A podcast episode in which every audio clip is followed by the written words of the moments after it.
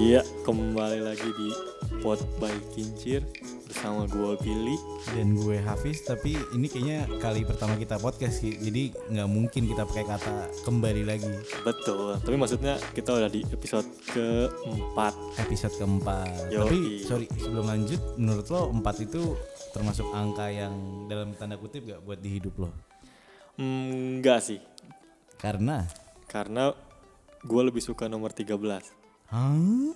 13 Jauh banget ya? Jadi buat teman-teman yang belum tahu, saudara Billy ini eh, bukan adiknya Olga, tapi dia sama-sama orang Bandung. Tapi Olga orang Bandung bukan ya? Bukan. Oh, sorry. Dan Hafiz ini tidak seperti namanya, dia bukan Hafiz Quran. di episode keempat ini ada episode spesial Spesial apa? karena pakai empat telur. Iya. Eh, kurang. Kurang ya. Yang sebelum-sebelumnya kan film dan juga Movie, anime. film dan juga movie. Sama dong. Oh, sama film dan movie sama ya? Sama dong. Oh iya iya. iya. Cuman bahasa Indonesia bahasa Inggris. Jadi sebelumnya film sama anime kan.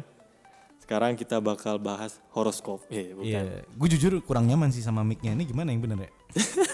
Asli, lo lihat sendiri gue dari tadi anjir. Ya, kita bakal ngebahas yang berbeda. kita Apa tuh? bakal ngebahas e-sports. Iya. Iya, bohong orang Mobile Legend. Iya. Emang Mobile Legend e-sport? Buat teman-teman yang belum tahu mungkin Mobile Legend adalah salah satu game yang mungkin bukan salah satu game satu-satunya game yang mempunyai franchise league khususnya di Indonesia. Tuh. Jadi dia punya liga resminya Iya benar. untuk di Indonesia. Mm-mm, eh, ada delapan tim besar lah ya. Iya. Delapan top tim di Indonesia yang Yang ikutan. bohong kalau nggak tahu si Indonesia tuh delapan tim itu siapa aja. Sini kita bakal ngebahas eksperimen dari Mobile Legends. Sorry, eksperimen mungkin maksudnya. Iya, Eksperimen. eksperimen betul. Mm-mm. Eksperimen Mobile Legends. Hmm, mungkin dia sering keluar dari jalur normal kali ya. Iya iya. Dan iya. coba hal-hal baru di game ini sih. Memang gua akuin Mobile Legends ini sudah mulai mirip ke Dota-Dotaan. Support bisa jadi tank, tank bisa jadi mage. Nggak mungkin sih tank jadi mage. Iya benar benar benar. Jadi udah banyak explore. jadi Udah, nggak iya, nggak betul. nggak hanya melulu di rollnya. Nggak seperti zaman NXL dulu. Iya, hero-nya itu, itu doang. Lingkaran setan. yang version 1. ya yang pertama ada Akai Assassin. Hmm. Emang pada hakikat kan Akai itu tank. Hmm, benar. Tapi di sini dia sugestiin buat build jadi assassin. Caranya gimana ya? Caranya, soalnya Akai kan punya skill satu yang mampu meningkatkan daya serang karena armor musuh langsung Oh, yang berkurang. lompat itu ya? Iya yang lompat. Nah panda ini juga punya efek stun kalau musuh sudah tertanda pasifnya. Oh, yang pasif gambar tanda kodok. kodok. Iya. Terus ketika didukin langsung stun kan. Betul betul. Dengan mengandalkan dua skill ini, Akai yang kalian pakai bisa memberikan damage secara besar kepada musuh. Kalau memakai item physical damage. Contohnya, contohnya kalian beli endless battle. oke, itu item wajib kudu mak bukan makruh lagi, wajib sunnah pakai endless battle sih. Iya untuk kalau lo build physical ya. Oh ya physical terus. Terus ada wind talker. Hmm, Terus- kenapa Windtalker ya Bil? Kayaknya ada efek kan kalau basic attack wind talker nambah apa kayak semacam ada efeknya gitu Hmm, dengan wind, ada wind mini talker. damage ya? Iya, Iya, mini benar. damage nggak salah aja tuh bahasanya. Iya.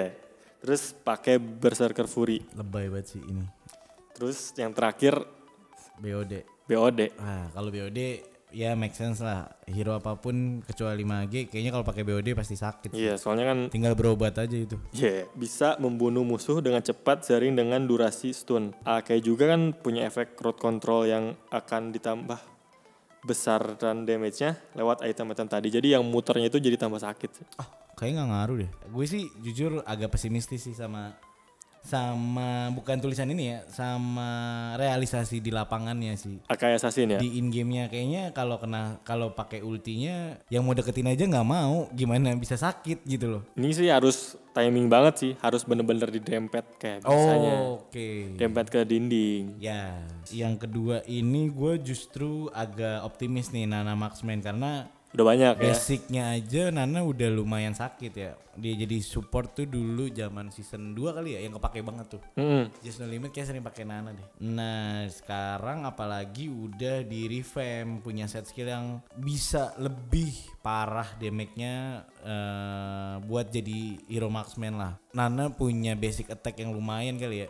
Mm-mm. Kan lu tau Molina itu gak yang jadi klik tergantung Jadi boneka tergantung ya? skin sih, tergantung skin. Yoi. Kalau skin lo robot, kalau nggak salah tuh dia ngelempar kucing ya, apa apa sih? Soto aja sih gue. Pokoknya jadi kecil lah. Saat lo kena skill 2-nya itu jadi boneka itu kan langsung kayak nggak bisa berski, ngambil skill apa pun kan. Mm-mm. Makanya itu di hit damage basic damage-nya dari basic attack itu sih. Iya, Jadi lumayan dicicil-cicil sampai lunas tuh. Hmm, terus kalau build-nya sendiri build Wind Talker menurut gue cocok sih. hmm, Wind biar Talker. basic attack kan. Basic attack. Nah, yang gue kaget di sini adalah Scarlet Phantom. Tahu kan lo Scarlet Phantom yang Iya. pedang ungu itu? Iya. Yang attack speed sama ada sedikit critical chance-nya. ya. Mm-mm. Hmm, mungkin biar hit damage basic attack-nya lebih cepat aja kali ya. Iya, itu eh, lebih ke attack speed kali ya. Hmm, Dia benar. kan build-nya marksman. Marksman. Terus yang terakhir ya udah gue bilang ini semua hero damage harus pakai ini sih item ini endless battle. Fungsinya nggak cuma satu dua tapi tiga empat. Nah, Iya. enak ya tuh. 56. Enak lagi. Ketiga efek ini sudah cukup mengacak-acak pertahanan lawan. Tambahan stun dari ultinya dan efek slow skill pertama dari skill pertamanya dijamin membuat musuh buat musuh jerak ah lebih banget tulisannya ini buat musuh capek lah kalau bahasanya ya. capek banget sih kalau ketemu Nana. Gue sih pasti kalau udah ketemu Nana yang udah gini auto kabur sih. Iya, soalnya kan ada slow-nya juga, ada, slownya stunnya. Terus bonekanya juga bikin kita nggak bisa nyerang juga. nyerang bener. Agak setuju juga gue Bill coba lu bacain dah. Iya, yang ketiga ada Johnson Mage. Hmm. Eh, sebagai seorang impostor. Iya oh inisiator. inisiator Ini inisiator serangan, Johnson tidak hanya diandalkan soal daya tahan tubuh. Dirinya juga bisa dimanfaatkan untuk memberikan damage yang besar lewat kombinasi skill miliknya. Nah, kombinasinya gimana biar? Kombinasinya kan dia bisa jadi yang mobil. lu bayangin aja tanpa baca tulisan ini ya. Iya, kalau gua kan kalau Johnson pasti yang kepakainya mobil sebenarnya. Mobil ya, berarti harus level 4 dulu dong. Iya. Jadi kalau kombinasi skill di sini berubah jadi mobil dulu, Mm-mm. terus tabrak musuh, Hmm. terus keluarin tameng, Tameng, stun. tameng stun.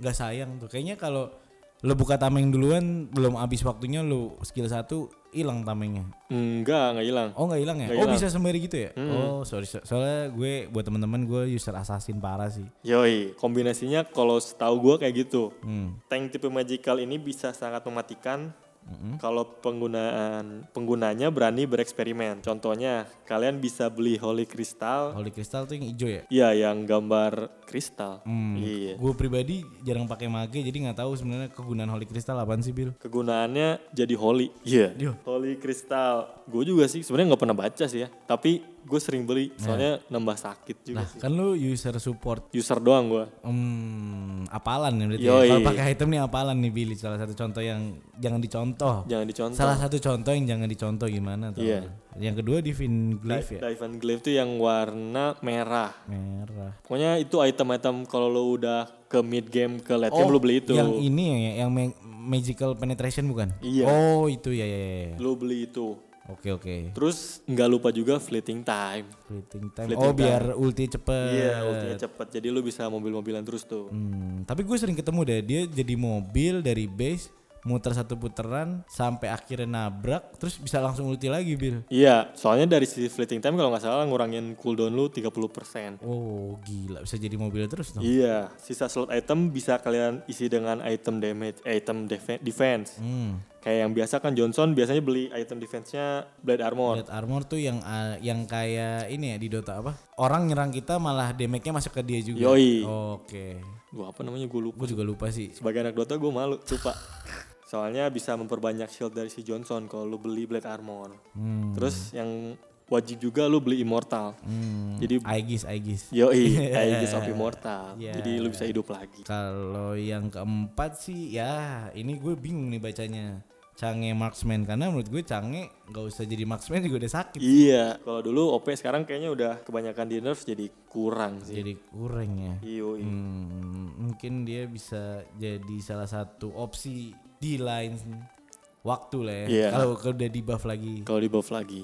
Hmm, tapi gue nggak pernah nemu Cange basic attack-nya eh, lumayan sakit sih. Dia harus hero salah satu hero yang harus menggunakan source skill-nya. Iya gak sih? Yang bikin sakit itu sebenarnya skill duanya. Kalau gua setiap pakai Chang'e tuh kayak bintangnya jadi makin banyak. Basic attack-nya lumayan sih. Hmm. Biasanya pada build-nya pada beli Wind Talker satu. Oke, kalau dari tulisannya Abang Koir ini skill pertama Cange jadi pok damage yang bermanfaat untuk mengurangi darah musuh. Terus bisa menyelesaikan musuh dengan pukulan bertubi-tubi. Nah, gua nggak tahu nih pukulan bertubi-tubi bertubi-tubi itu gimana. Padahal kan nggak pakai tangan dia kan. Ah, makanya sih Dia nggak mukul. kurang observasi. Iya. kayaknya. Mungkin bukan pukulan, apa bintangan. Ya, enak Iya. lagi. Si Cange juga punya efek slow skill dari skill pertama ditambah corrosion sight eh, untuk maksimalkan efeknya. Corrosion sight itu nama item ya? Korosan saya itu Yang item item. mana? Yang ini yang gambar apa? Gambar apa?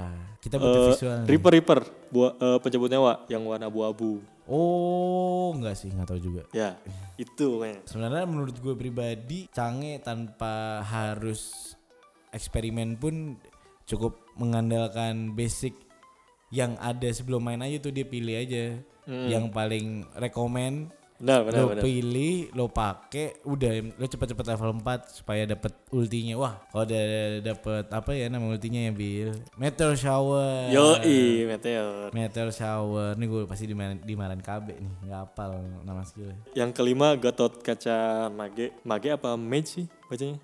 Nah tergantung anda dari Cimahi, bacanya Iya. dari logat Cimahi apa logat Jaksel. Kayaknya sama sih. Saya Cimahi aja. Ini sebenarnya build yang udah XP land. Biasanya Gatot emang buildnya ke sini sih. Katanya menurut pengalaman orang-orang karena lebih keras daripada Gatot Tank. Jadi Gatot Mage lebih keras daripada Gatot Tank. Soalnya kan pasifnya itu yang tiba-tiba mukul ngegeplak gitu. Aduh, sorry, gue tuh Ya, assassin dari lahir, Bill. kurang, kurang, kurang. Kureng, kureng. Kurang. Ya pokoknya itunya bikin kayak ada life steal-nya gitu. Gue nggak paham sih kenapa si Gatot masuk listingan ini. Mungkin dari item-itemnya Iya. apa aja tuh? Kalau dari kata Bang Hoir, magical damage milik Gatot Kaca punya takaran yang besar untuk di patch sekarang. Apa tuh? Pasif miliknya sekarang bisa diandalkan untuk memberikan damage tambahan. Kekuatan Gatot Kaca saat ini cukup potensial untuk dieksperimenkan. Hmm, Kalian bisa membuatkan full item damage. kira dia malah ke arah apa ya? Ke arah ini melee melee attack. Ternyata dia tuh bagusan ke arah magic ya. Iya ke arah magic. Hmm, Nggak bagus sih main magic dosa. Item pertama yang direkomendasikan oleh Abang Choir adalah Glowing One. Glowing One yang ada efek api. Ya, yang Iya. ngasih efek burn efek burn. dan bisa memaksimalkan skill pertama. Yang pokoknya yang memukul tanah. Yang kedua ada Divine Life sama Holy Crystal buat memperbesar magic damage karena ada magical penetration. Berarti benar tadi. Benar, benar, benar. Divine Glaive ada magical penetration. Penetration. Karena hero ini tipe pertarung jarak dekat, Hmm.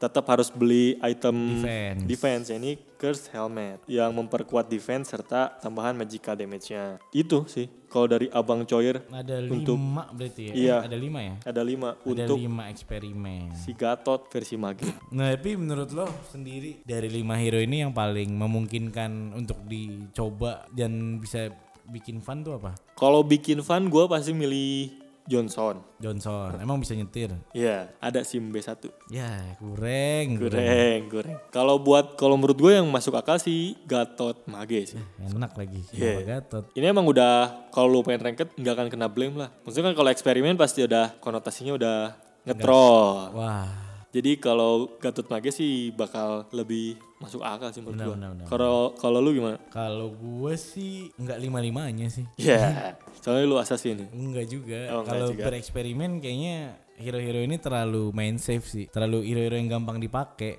Yoi, harusnya apa dong? Harusnya Rafaela aja. Rafaela Demek mungkin ya. Rafaela damage. Hmm, boleh sih. Tapi nggak ada, nggak tahu sih kalau gua. Hmm. Soalnya gua nggak se-expert Abdul Khoir gitu untuk bereksperimen. Gue tuh yang paling pernah gue lihat di media sosial itu Bang KB dia pakai link tapi jadi tank. Link jadi tank. Link jadi tank tuh menurut gue out of beyond imagination banget lah. Wah nggak kebayang sih seorang assassin bisa jadiin tank dan lincah tapi punya damage dikit jadinya tapi. Iya gak kebayang sih Nggak soalnya kebayang kan? Link kan tipis ya. Tipis. Tapi, dia bikin full defense. Full defense. Jadinya tetap kenceng juga sih defense-nya. Ya core lah, udah Iya. pasti core dia. Udah tipis tinggal lompat ke tembok. Iya harus beli, harus beli, harus dapat buff lagi. Wah, dia nggak ngebuff kayaknya lagi tuh deh. Berita selanjutnya Berita selanjutnya. masih di ranah Mobile Legends nih. Sebelumnya emang udah diumumin, tapi, Tapi, masih desas-desus mungkin ya. Belum Iya. belum valid. sebenarnya eh, Alter Ego udah ngomongin. ya, Kan belum sebelum kan, tahu. belum tahu. Iya, sebenarnya udah di announce dulu, udah di announce, terus tiba-tiba dihapus, katanya Belum eh, valid. Iya belum valid. Terus sekarang Udah udah, valid. valid. lagi gitu. Ahmad Alter Ego positif COVID-19. Yam resmi masuk sebagai squad M2.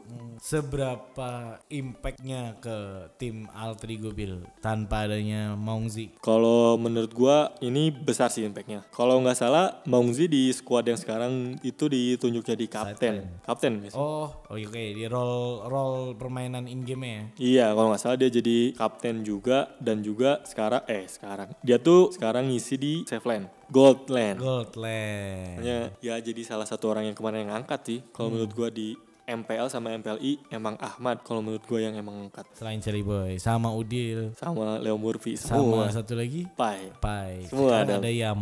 Iya, sekarang digantiin sama Yam. Tapi role-nya sama. Role-nya sama. Emang sebelumnya Yam kalau dulu kan belum ada Golden XP Lane. Jadi mainnya di side lane Iya, pokoknya yang sendiri dia. yang sendiri. Tapi lo tau gak sih M2 tuh kapan sebenarnya? Bulan ini sih, 11 Januari. Ini juga dikabarin langsung sama CEO-nya ya. Iya, CEO-nya bikin ya statement lah. Sukamto ya. Gue sih agak bingung sih. Sebenarnya sebelumnya mereka kan awalnya mereka umumin kalau Ahmad positif terus nggak bisa berangkat. Terus beberapa jam kemudian Take down. they take down terus mereka bilang Ahmad bisa berangkat karena udah negatif. Terus beberapa hari setelahnya malah diumumin lagi positif lagi. Nah itu menurut gua gua nggak tahu sih. Pokoknya ya gue bingung. Intinya gue bingung sih. Tapi yang pasti ya Ahmad nggak bisa berangkat Iya, dan iya. bakal diganti nama Yam. Jadi buat teman-teman yang mau tahu kronologinya itu si Ahmad atau Maungzi dulu nama panggungnya eh, ini bermula saat 19 Desember Ahmad ikut ke sebuah acara yang dihadiri oleh beberapa influencer dan pro player Indonesia ternyata salah satu dari mereka dinyatakan positif dan akhirnya akhirnya menular ke Ahmad mengetahui hal tersebut pihak manajemen langsung eh, melakukan eh, Swap. swab test eh, dan ke Maungzi doang ke seluruh anggotanya juga seluruh punggawa alter ego tapi sayangnya cuma Ahmad yang dinyatakan positif. Ini antara sayangnya sama untungnya ya. eh kalau untungnya tuh nggak ada yang kena. Iya untungnya cuma Ahmad. untung oh, mungkin terbalik ya. Untungnya cuma Ahmad sayangnya harusnya nggak ada yang kena. Nah, terus di sisi lain juga sebenarnya RRQ sempat desas-desus juga pas di sana ya. Sisin kan? Iya, yang- agak kesusahan buat masuk dari eh, bordernya bandara Changi Airport itu kan jadi dia agak agak lama untuk bisa keluar. untuk bisa keluar kalau nggak salah tuh 18 jam atau berapa Hmm. gue pernah lihat di sosmednya player-player itulah seluruh pemain RRQ juga wah ini gue agak kaget nih lihat tulisannya bahkan seluruh pemain dari RRQ sih dinyatakan positif Pada tes COVID-19 pertama. pada tes pertama untungnya di tes kedua seluruh punggawa, punggawa dinyatakan negatif akhirnya mereka tetap boleh jalan menjalani karantina di hotel yang udah disediakan oleh Muntun. Jadi kenapa teman-teman player-player atlet-atlet ini datang duluan di tanggal 11 Januari? Karena setahu gue emang eventnya di 22 sampai 24 Januari. Soalnya ada 14 hari masa karantina sih, Bil. Dua minggu ya. Ya dua minggu lah kurang lebih. Jadi walaupun negatif tetapi tetap dijaga prosedurnya supaya karena kan covid itu setahu gue dia bereaksi ini soto aja sih setelah tiga hari lah baru muncul gejala dan baru bisa dinyatakan positif itu mungkin di masa inkubasinya 3 sampai 7 hari. Iya verifikasi dari RRQ AP. Mm-mm. Emang yang pertama itu yang dari Muntun katanya mereka semua positif. Yang kedua mereka swab sendiri lagi negatif. Terus yang ketiga negatif lagi baru Boleh keluar. baru keluar. Kenapa begitu ya kira-kira? ya? Tidak tahu dong. Sekarang kan semua pemain di karantina kan. Ya mungkin Atlet kan? bukan dong. Oh, bukan. Dia di Singapura dan mungkin tanggal 11 tuh kuali, bukan kualifikasi. Biasanya kan sebelumnya kayak grup stage dulu kan. Grup stage-nya mungkin online, mungkin nanti untuk si grand finalnya baru offline ke si stadiumnya. Pas tetap ada offline ya. Tetap offline. Tapi ada penonton nggak? belum tahu sih. Kayaknya enggak tahu. Kayaknya kan kemarin sempat ada event salah satu gelaran event internasional kan. Ya pasti tahu dong yang gue maksud apa. Ya, tahu dong. Tahu dong. Tahu dong. Sang kompetitor Iya, bukan kompetitor. Iya. Bapak-bapak Cina sendiri di Cina ya gitu ya. Iya, event, di- event itu ya.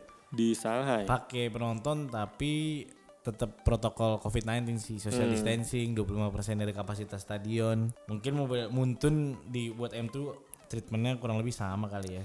Harusnya pakai ini apa? Kalau istilahnya tuh bubble, Wrap. bukan Bubble wrap. bubble itulah pokoknya. Kayak sistemnya kayak NBA terus bola kayak gitu namanya. Serius nih gua tahu nih. Bubble apa? Serius ini gue serius Iya, gue tahu, gue tahu lo serius. Makanya gue kalau lo serius gue mikir nih. Tapi sebelumnya ya cepat sembuh buat Ahmad ya. Betul betul betul betul. Oke. Iya.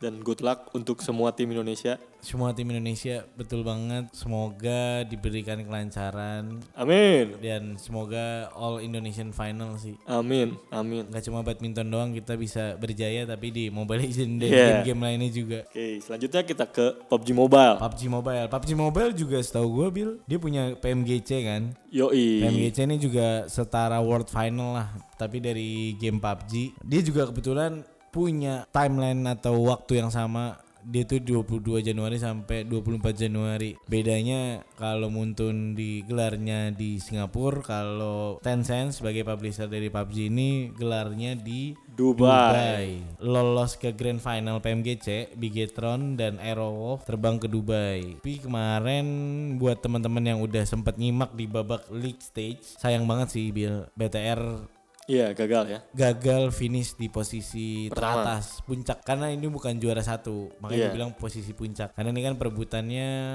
adalah nominal duit kalau nggak salah ya lumayan ya bedanya ya Lumayan. lumayan lumayan Kalah sama 4AM. hmm bukannya kalah sama Nova. aduh disebut lagi Iya, Nova di bawah, cu. Eh, cu Oh, lagi. nggak apa-apa Gak apa-apa, nanti Nggak bisa, apa-apa. bisa dipotong. Bisa. Iya. Sebenarnya tiga minggu awal kan mereka superior. superior Tapi di minggu keempat entah Enggak, kenapa. sebenarnya mereka mm, minggu keempat tuh agak konsisten juga, bukan agak ya. Tetap konsisten, cuma sayangnya ada satu dua round yang kurang beruntung suka tusun. Iya, zona ya. Zona kalah di mati di zona. Eh ini menurut gue juga gokil sih. Mereka itu main 4 minggu bisa mengantongi total 561 poin tapi oh tapi kok bedanya jauh banget Bil ya Iya, soalnya Kayaknya pas minggu ketiga kayaknya udah leading jauh deh minggu ketiga tuh kalau nggak salah nggak lebih dari 20 poin Birgetron mimpin. oh Di minggu keempat, 4AM-nya chicken dinner mulu. chicken mulu Iya. Oh. Iya sih dari total aja overall ranking 4AM ini 8 WWCD dari 60 match. Eh terus total killnya ini 298 beda 40 sama BTR yang cuma 258 selisih poinnya juga lumayan jauh sih. Ada di 70 70 poin. Winner WWCD nya juga beda 3 ya memang konsistensi sih ya. Iya. Memang kalau menurut gue, menurut gue sih Bill kalau di liga ini buat main PUBG, chicken kurang penting. Yang penting adalah konsistensi. Benar. Top 3 terus aja pasti akan bisa ke posisi pertama kalau kill poinnya juga deres. Ini gue sotoy-sotoyan aja sih. Iya, bener sih. Soalnya kalau tusun kan lu nggak dapat poin sama sekali. Iya sayang banget. Mm, Soalnya dari Tapi yang bikin gue kaget sih. Oke, bener gue kaget beneran. kaget ya dia ngantuk gue ngantuk. Iya. Podcast malam nih, itu ngomongin setan. Iya. Eh tapi yang bikin gue kaget adalah performa Aerowolf sih di week terakhir.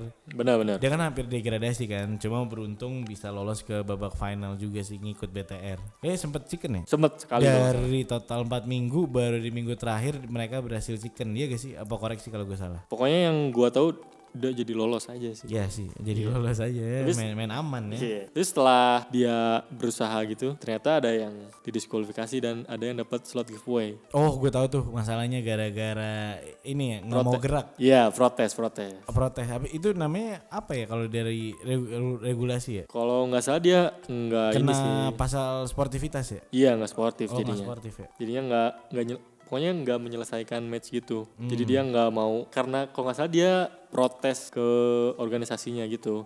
Terus dia nggak mau main. Jadi kayak ada masalah di organisasinya gitu. Terus dia protes di dalam game dan itu menurut Mun, Muntun lagi. Menurut Tencent No Tencent. eh, melanggar sportivitas. Eh, hukumannya nggak jadi lolos, didiskualifikasi. Iya sih, sayang banget sih. Gue juga liat- pernah lihat cuplikannya di ESPL ID pastinya. Iya. Dia tuh ngendok bertiga dalam satu rumah, terus ada satu yang datang ditembakin tapi nggak ngasih Hmm. Ngelawan, perlawanan. iya. Iya, aneh sih. Tapi kalau menurut gua sampai didiskualifikasi sih agak ekstrim sih. Sebenarnya bisa cuman kayak pemotongan doang. Poin Iya. berujung nggak lolos. Iya. Sama aja. Tapi seenggaknya nggak Cuma didiskualifikasi mungkin sih.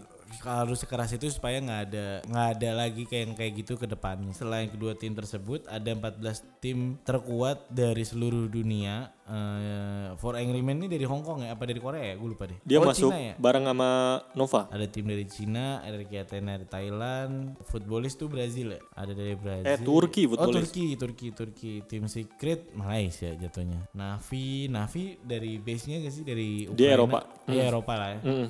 Dia masuknya Eropa. Dari Eropa, Amerika juga ada. Ya, memang ini pertarungan penentuan buat siapa yang terbaik di 2021 sih. Eh 2020. 2020. Tapi 2020 2021. mainnya di 2021. Iya. FYI aja buat posisi kedua aja buat posisi kedua yang mana telah membawa pulang kurang lebih oh lumayan ya juara dua posisi kedua bukan juara dua posisi kedua pas league stage kemarin itu 125 ribu dolar atau setara 1,7 miliar wow gokil sih Uang semua tuh. enggak sih Oh enggak. itu masih berbentuk pasti transfer sih Iya. belum nyata duitnya belum nyata Sebulan baru cair. 1,7 dicak 4 juga Iya. dicak 5 sama negara bayar pajak Terus kalau buat si Aerowolf-nya dapat 5000 dolar ya lumayan lah ya atau 71,2 juta. lumayan lumayan lumayan Ya lumayan. daripada nggak dapet sama sekali. Tencent juga umumin kan sebelumnya kalau mereka akan gelarnya di Dubai di Coca-Cola Arena yang berkapasitas 17.000 orang. hmm Kayaknya sih ini offline ya. Kalau udah tapi sih gue yakin mungkin cuma 25% dari kapasitas terus buat si grand final nanti memperebutkan hadiah total hadiahnya 2 juta dolar Amerika setara 28 ko 28,5 miliar rupiah. kayaknya ini salah satu bukan salah satu ya ini udah dinobatkan jadi hadiah terbesar buat Mobile. mobile ya Mm-mm. buat game mobile Ini tentang kecurangan lagi nih. oh Ada iya, kecurangan iya, lagi benar, nih. gue ingat gue ingat yang orang Pakistani Yoi, masih Enggak kapok pakai tanda seru iya dari Mas Abdul Khair lagi nih. Abdul Khair lagi benar-benar Headline-nya nggak kapok tim Pakistan lagi-lagi ketahuan pakai cheat. Nih gue ngetes lagi nih. Iya, Pakistan nih ada di mana ya? pokoknya sama kayak India satu ini. Satu apa? Satu daerah jadi satu negara dong. Nggak satu apa? Satu benua Asia Selatan.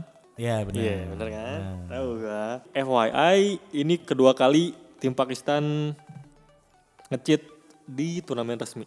Kedua kali Kedua kali. Sebelumnya di PMCO. bisa diklik ya kalau kalian bisa baca ini fitur yang menarik sih menurut gue di kincir ya. Saat Iya. ada wordingan yang mengarah ke sebuah artikel itu kalian bisa ngeklik dan langsung baca artikel itu. Jadi kalian baca nggak nggak nggak ngayal gitu kayak emang pernah ya kapan sih tinggal diklik langsung tahu kejadiannya kapan. Betul. Kalau di PMCO yang 2020 kemarin ada namanya tim I Don't Lose. Hmm, tapi nggak kalah sih.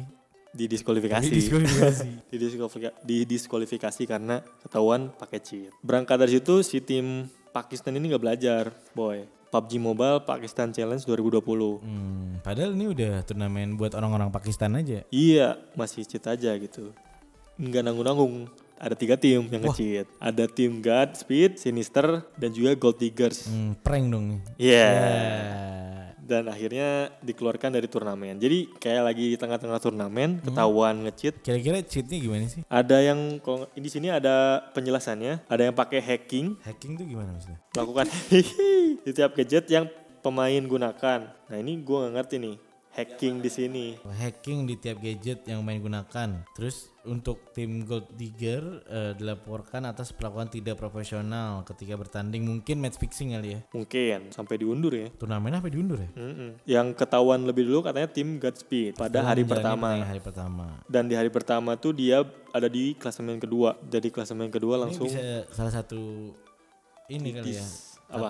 Ada peribahasa cheat menentukan prestasi. Ya Allah. Peribahasa mana tuh? Alur turnamen pun berubah total termasuk jumlah peserta saat eh, tiga tim ini didiskualifikasi dan hanya tersisa 13 tim Tiga lagi udah di sekolah. didiskualifikasi. Terus akhirnya Ya akhirnya ya tetap dilanjutkan tapi dengan 13 tim doang. tim yang ini kalau kalian baca di artikel ini ada salah satu mock up bukan mock up sih ini adalah capturean dari kualifikasi leaderboard di Pakistan Challenge ini tim F4 di posisi pertama, Gold Digger posisi kedua, Sinister ketiga. Wah, ini benar-benar tim-tim cheater ya yang Yeah. udah ada di top di top leaderboard ya. Kecuali Iya. tim M tim F4 sih. Boleh juga tim F4. Eh makanya dia bisa di posisi satu di antara para cheater Para cheater. gokil sih. Iya. Tapi kalau menurut lu cheater di dalam turnamen ini gimana pandangan lu? Kalau nge-cheat menurut gue cheat itu salah satu